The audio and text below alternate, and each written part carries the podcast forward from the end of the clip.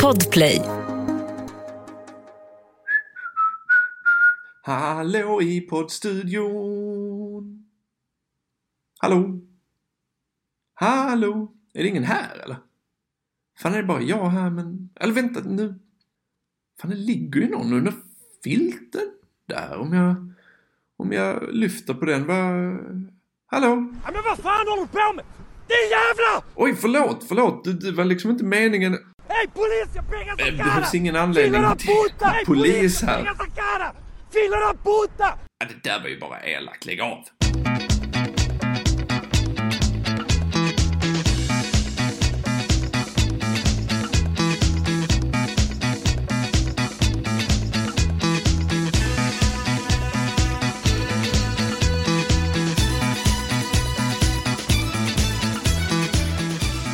Hej och välkomna till Sportexpressens Premier League podcast Kick and Rush. Vanligtvis så körs den här podden med eh, Therese Strömberg, Pontus Weinemo och mig då, Petter Landén. Eh, den här veckan är det ingen eh, Therese Strömberg och inte heller någon Pontus Weinemo. Inte ens, eh, ja, Brandao var ju med där på ett hörn i början. Men annars är det tomt som på ett titelfirande för Manchester City, nämligen det är bara jag. Eh, men vi är ju en podd som ska komma ut en gång i veckan egentligen och eh, vad passar då bättre än att jag som eh, nybliven Premier League-mästare med Manchester City eh, Ja, det känns nästan så. Eh, faktiskt tar och roddar det här programmet och vi, vi, vi tar tjuren vid hornen direkt va. För att efter matchen igår, eh, matchen mellan Manchester United och Leicester, vi ska återkomma till den. Eh, så Uniteds förlust innebar ju att City blev mästare i kavaj och eh, det var drygt 100 pers som hade tagit sig till Etihad Stadium för att fira det och det blev ju bilder som var Alltså jag ska vara helt ärlig här för att jag har hållit en ganska, eh, vad ska man säga, ehm, eh, försök till eh, rolig och eh, skön och eh, eh tongue in cheek på Twitter. Men eh, det är klart att det inte är de mest imponerande bilderna om man jämför med till eh, ja, många andra. Eh, men det är å andra sidan också en sak som är så jävla tröttsam. Jag ska säga det så här. Eh, när jag såg bilderna, nej, jag tyckte också att det ser ju inte så jävla bra ut. Jag fattar det också. Eh, men samtidigt så finns det någonting i eh, liksom en, ett narrativ och en agenda kring Citys fans som jag tycker är så jävla tröttsam och låg. För att en sak att attackera liksom klubbledningen för att de är vidriga diktatorer som hatar människor eh, som inte de vill ha, eller som inte är exakt som de vill ha dem. Eh, som piskar oliktänkande och sånt där. Alltså, feel free, attackera det. Det är ju saker som borde attackeras mer. Ännu mer. Alltså om man börjar prata om ekonomisk doping, spenderande och fuskande. Alltså, be my fucking guest. Gör det. Det är liksom helt rimlig kritik att rikta mot City. Och vi ska komma in lite på den grejen sen också. Eh, men det är någonting jag stör mig på så fruktansvärt mycket när det attackeras en supporterbas som verkligen, verkligen inte förtjänar det. Eh, och det menar jag 100% genuint. Eh, Manchester City har varit igenom tuffa tider alltså innan det kom in en Abu Dhabi-grupp eh, liksom där de hade det sjukt tufft att vara nere i divisionerna och det var ett superlojala fans. Det har varit liksom lojala fans liksom hela vägen igenom. De gick upp sen i Premier League och allting.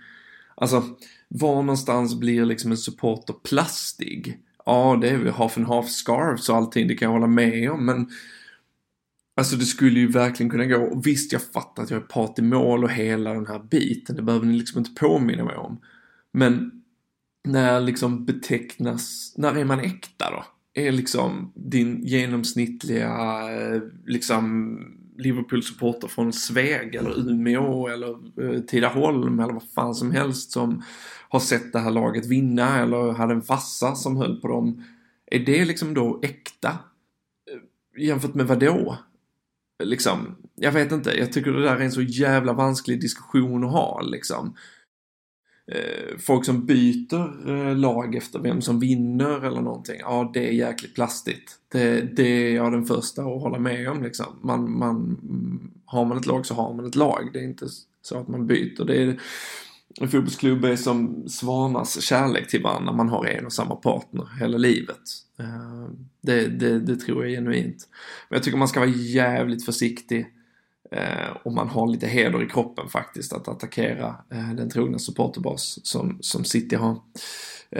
Det finns verkligen hål att peta eh, på andra supporterbaser då också om man ska liksom vara sån. Eh, sen för att återgå till eh, det väldigt taffliga eh, minimala firandet utanför eh, Etihad igår. Nej, som sagt, det är inte skitsnygga bilder. Det är ingenting man tar stolthet av som City-supporter. Det finns förmildrande omständigheter, det måste man säga. Alltså, det är en ligatitel som har ett känts klar hyfsat länge. Ehm, det är en Champions League-final som väntar.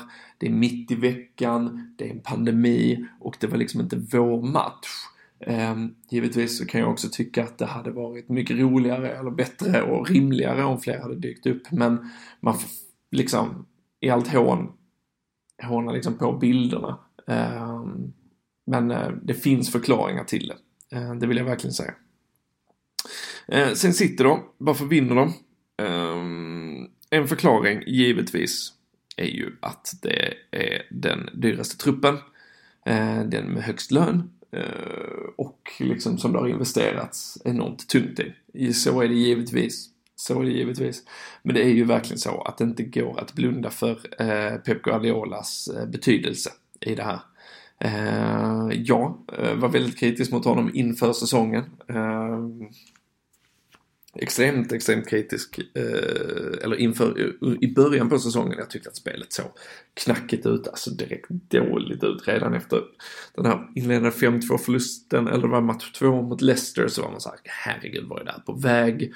Och sen så följde egentligen några månader av extremt tråkig fotboll och det kändes liksom inte som att det skulle, skulle bli någonting av det. Eh, men sen hittade Pep rätt och sen är det ju liksom spelare som varit head and shoulders tycker jag över så gott som alla andra i ligan. Harry Kane och Mohamed Salah är ju sådana som alltid är skitbra men Kevin De Bruyne givetvis. Eh, Ilka Gundogan eh, som verkligen fick någon slags ännu större genombrott eh, med tanke på att han gjorde mål på allting. Och Ruben Diaz. Eh, otroligt att vara 23 år och egentligen inte en Pep Guardiola-spelare. Ehm, men att vara så bra som han har varit och dominera som han har gjort eh, har varit otroligt. Men jag, tycker framförallt Pep hittade ju ett sätt att få det här laget att få ut maximalt av all sin talang. Eh, och det har han gjort flera gånger. Det är ju egentligen bara att Ehm, Liverpools titel är ju egentligen bara att buga och bocka inför det jobb som Liverpool gjorde och det jobb som Jürgen Klopp gjorde. Ehm, med den, ehm, vad ska vi kalla det minidynasti, det är inte nödvändigtvis över, även om de har haft en jävligt tuff säsong så eh, jag tycker bara att det är liksom ett kvitto på det jobb som, som Klopp har gjort eh, eh, med Liverpool, att de lyckades slå Pep Guardiolas City och göra det så överlägset. Det är smått otroligt. Man kan ju också prata, man kan, man kan faktiskt ta eh, eh, perspektivet att så här, City seger här nu, är det dåligt? Eh, Miguel Delaney, erkänd City-hatare ska sägas. Han har sina poänger men han, han hatar verkligen City. Han har ju skrivit en krönika i The Independent eh, om att City-seger är en issue for English football eh, i och med att det var den mest eh, eh liksom eh, förutsägbara vinnaren.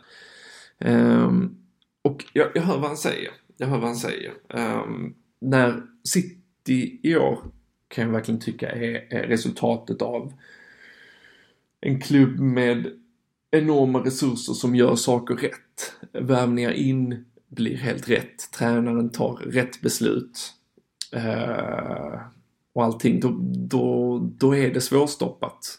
Det är det. Uh, men man kan också ta uh, perspektivet att om vi tittar på vem som har vunnit ligan i de olika länderna de senaste, senaste åren eller så här, så har ju då eh, City vunnit eh, tre av de fyra senaste. Så att jag förstår om man sätter eh, spotlighten där att det skulle vara ett problem. Men om du tittar på Tyskland så har ju Bayern de senaste nio. PSG sju av de senaste åtta. Juve i Italien nio av de senaste då. Tio. Inter tog ju nu. Och La Liga har vi får se hur det slutar den här säsongen, två vinnare senaste eh, sex åren. Eh, i, eh, I England så är det fyra olika titelvinnare eh, de senaste sex åren. Eh, det är inte en dålig spread om man ser på det så. Eh, det är faktiskt ett, ett perspektiv som kan vara värt att ha. Eh, och om man tittar på de 13 säsongerna, jag förstår att det är cherry picking här, men ändå. Innan eh, City eh, fick in Abu Dhabi-gruppen så var det bara tre klubbar som vann titeln och en av dem var Chelsea under Abramovic. Eh, att jämföra då med fyra klubbar de senaste sex säsongerna. Ett perspektiv värt att ha kan jag tycka. Ehm, ehm, ja, vi kan väl någonstans stanna där. Ehm, faktiskt, City-diskussionen. Eh, stänga den. det känns jävligt gött, måste jag säga att vinna tillbaka ligan eh, från Liverpool. Eh, det känns jävligt gött att alla som skrivit att de inte skulle bry sig plötsligt bryr sig skitmycket. Eh, det är lite kul. Bara så att ni vet.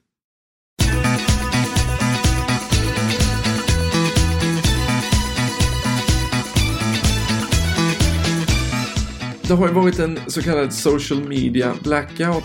Det tror jag eh, att de flesta av er har sett eh, mot eh, rasism och den rasist, rasism som eh, framförallt svarta spelare får utstå i, eh, i England. Och eh, jag vet inte, det, det var väl eh, ganska kraftfullt.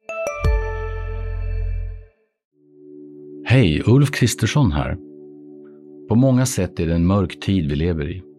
Men nu tar vi ett stort steg för att göra Sverige till en tryggare och säkrare plats. Sverige är nu medlem i Nato.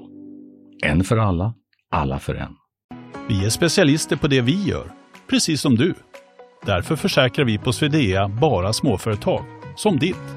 För oss är små företag alltid större än stora och vår företagsförsäkring anpassar sig helt efter firmans förutsättningar. Gå in på swedea.se företag och jämför själv.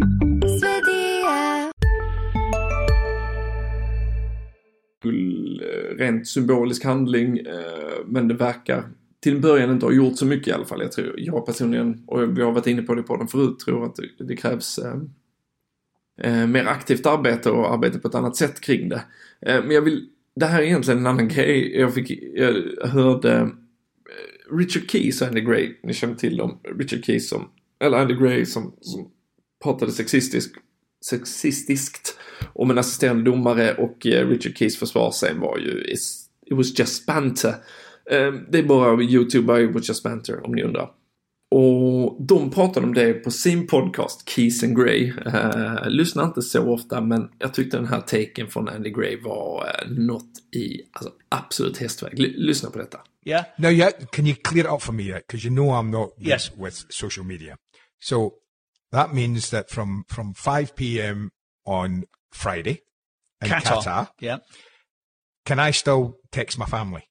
Yes, that's Can what I social WhatsApp media. my family? Yes, yes, yes, yes. So- social media is this, is us, So is I'm Twitter, only on Instagram. Instagram. So I would come off Instagram until Monday. Just leave that. Leave it alone. Absolutely.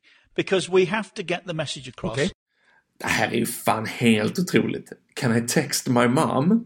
Eh, Det är ju det är bra i sig, men jag tycker den här lilla, lilla, liksom när eh, Richard Keys ska förklara vad sociala medier är. Vi, vi kan ta och lyssna på det en gång till för det är så satans bra. So Social media is this, is us, So is Twitter, is Instagram. Instagram. It's this, it's us, it's Twitter.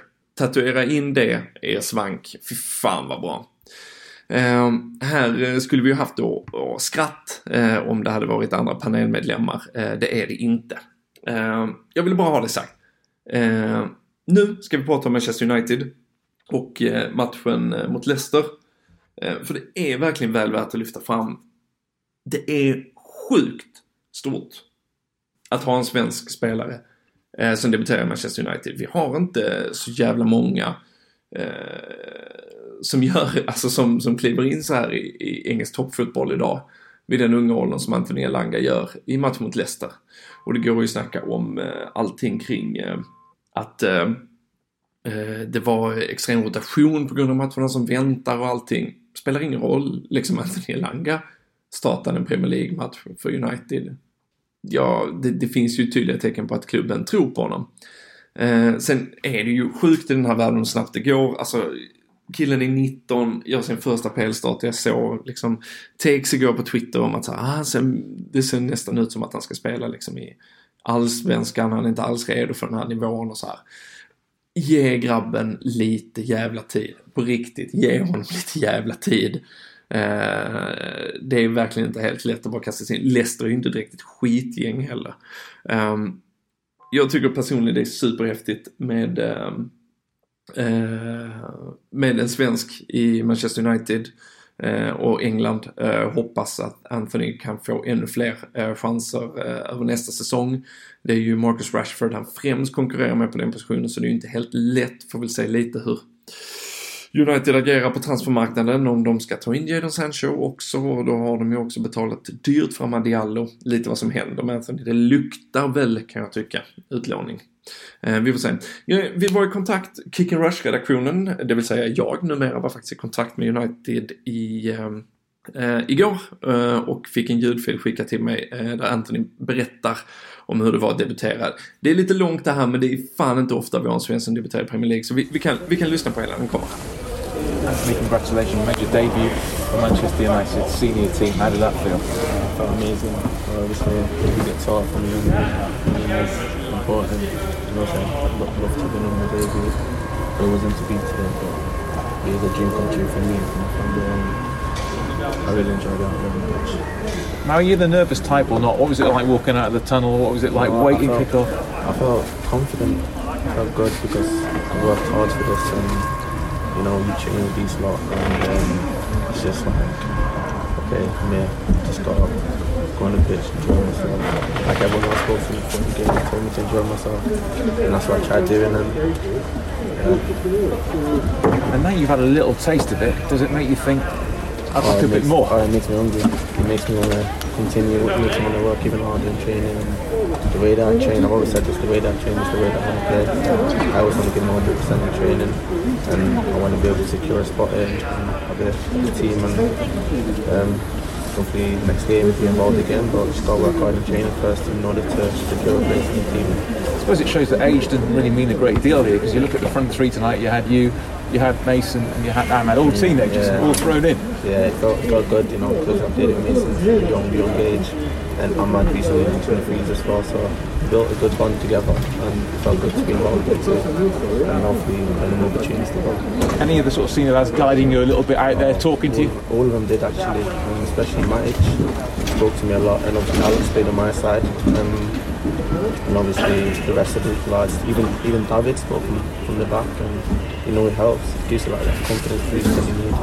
Obviously we've seen a lot of you at, at 23 level I mean, it's been a terrific season for you. How would you reflect Oh, it's been a brilliant season. You know, I got injured. I was unfortunate to get injured during the jam, uh, bad injury actually, and I'm just happy the way that I bounced back. Um, come back stronger and feel even sharper than before. And I'm really happy with the coaching staff and the physios that helped me get through my injury and, and helped me. If it wasn't for them, I wouldn't be where I am today. Thank you. I suppose the sad thing is there's not 75,000 people yeah, in here and all your friends and family. I'd love to have my, my mum and my sisters to watch me play and all my friends. And, but, you know, it wasn't to be woefully soon and lock, lockdown gets restricted and like, the lock goes slow down. Hopefully everyone can come back to the stadium and watch us play. Well, they've been. I'm sure your phone's going to explode, isn't it? I imagine everyone. I'm not. I'm, I'm not even checking my phone yet. I just went straight to the shower, and but I'll probably have to uh, check on it and call my parents and see how they thought the game. You're not going to forget tonight, are you? Never. No. It is a dream come true, and the hard work, people say the hard work starts, but the hard work just like, continues. Started a while ago, just got to continue and keep working hard. Is that the message from the boss? Keep going, more yeah, hard work? Yeah, keep going, keep working hard and just hopefully win an opportunity like this. Well done mate, congratulations. Eh, och när vi är klara med det så vill jag dela med mig av eh, vi hade en väldigt rolig take med Richard Keys och Andy Gray om eh, social media blackouts. Eh, men vi ska ha eh, vi ska lyssna nu på den kanske absolut sämsta taken jag hört någon ha. Givetvis är det en gammal City-spelare som står för den. Trevor Sinclair ringer in till Danny Mills i Talksport och tycker det här. Vi kan lyssna. Now we're talking about Manchester United and, and listen, the fans demonstrated against Liverpool. The game's been reorganised. Manchester United have made 10 changes to their. They've without being disrespectful to the players that played tonight, they've made 10 changes. It, this is their B squad. This is their B team. Mm-hmm. I think that I think that's disrespectful, and I think it takes a little bit away from the top four title from, from the top four race. race. because you're looking at Chelsea. If you ask So it Chelsea, wasn't, so it wasn't Liverpool, disrespectful from Pep at the weekend to play a nine changes against Chelsea. It's nothing to do with it. Man- Manchester City have got that privilege because they they've already made it, and they've not had to cancel a game because they can't safeguard their stadium. You're going away from it, Hugh. I mean, the, the teams that are going to suffer from that, or the teams that are going to either miss out on the top four, or uh, they're going to suffer from Manchester United's lack of um, due diligence, are Chelsea possibly, Liverpool, West Ham, and Tottenham, because they're the other teams that are looking at that top four. I think there needs to be a punishment for Manchester United, and three points is not enough because it doesn't affect anything. I honestly feel the way that they've put this team out now, the way that they didn't safeguard their stadium last week, I think a six point deduction should be given to Manchester United. Alltså, ta bort sex poäng. Alltså han är ju bara helt enkelt hjärndöd, Trevor Sinclair. Eh, som tycker det här. Eh, jag förstår inte hur, eh, var man skulle liksom dra en gränsdragning någonstans. Alltså det behövs roteras. Eh, det behövs, alltså så här, vi vet ju inte vad som händer på träningsplanen heller. Vi vet inte exakt hur skadeläget ser ut. Allting liksom så här. Eh, United roterade kraftigt, ja. Alltså, det, det gör lag. Så, så är det. Det- Det är fan inga konstigheter eh, överhuvudtaget. Eh, jag tyckte att eh, United satte ändå, det var ett ungt och oprövat men inte oslagkraftigt lag på banan mot Leicester igår och sen så här, ja vad har, alltså ärligt talat, vad har de för jävla skyldighet gentemot liksom, Liverpool att hjälpa dem till en topp 4? De Liverpool-fans som skyller att de missar eventuellt topp 4 nu på grund av United borde rannsaka sig själva tidigare. Jag tror att de flesta är vettiga nog att göra det. Eh, till sist, eh, för att jag, det är svårt att sitta här och prata helt solo, eh, så är det två saker som jag skulle vilja ta upp. Eh, tycker ändå det är jävligt häftigt någonstans att eh, Virgil van Dijk eh, nobbar EM för att rehabba med Liverpool. Ehm, jag vet inte exakt hur, ehm, hur ehm, liksom hans skadeläge är eller någonting, men det är en jävla grej att ge upp, ehm, att ge upp ett EM, kanske det sista i van Dijks karriär för att ordentligt kunna vara redo till nästa säsong. Jag tror det kan vara ett, alltså, för hans karriär långsiktigt ett jävla klokt beslut, men fan vad tufft det måste vara Eh, och säga nej. Eh, men ehm, Liverpool-fansen ska nog eh, känna sig lyckligt lottade att ha en sån som van Dijk som vill att göra så. Det är häftigt. Också ännu häftigare är att Tottenham Hotspurs ehm, ehm, gick igår ut med att de ska ha fan representation on the board. Det är ju faktiskt jävligt häftigt. Där tror jag att ni ska lyssna på eh, podden Ledley Kings knä för att få reda på ännu mer eh, om hur de ser på det. Eh, men det är ju ett steg i den här fansporträttrörelsen som jag välkomnar enormt, enormt mycket. Det är jävligt häftigt. Vi hoppas att fler klubbar följer efter Tottenham där. Och det är kanske första och sista gången man faktiskt säger till andra klubbar att eh, ta efter Tottenham. Det är ett klokt beslut. Eh, med det så tackar jag för mig. Tack för er. Tack till er som orkat lyssna på det här. Bara min jävla röst så länge. Eh, nu skålar vi för City allihop. Skål.